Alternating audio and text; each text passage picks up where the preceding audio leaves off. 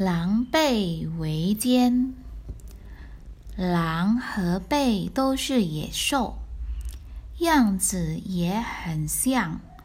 不过，狼的前脚长，后腿短；狈是前脚短，后腿长。有一点，它们是相同的，在人眼里都不是好东西。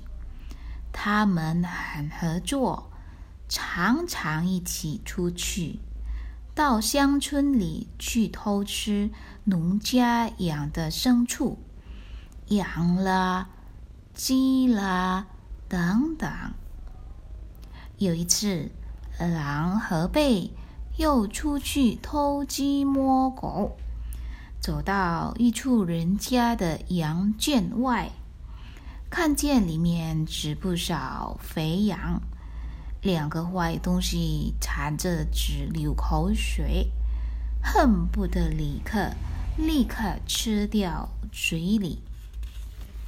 可是羊圈又高又坚固，既攀不上去，也跳不过去，更撞不垮。两个坏东西只好在羊圈外徘徊着想主意。忽然，狼想出了一个主意，他让后腿长的背站立在圈旁，自己骑在背的脖子上，背站着直直的把狼高高托起，然后。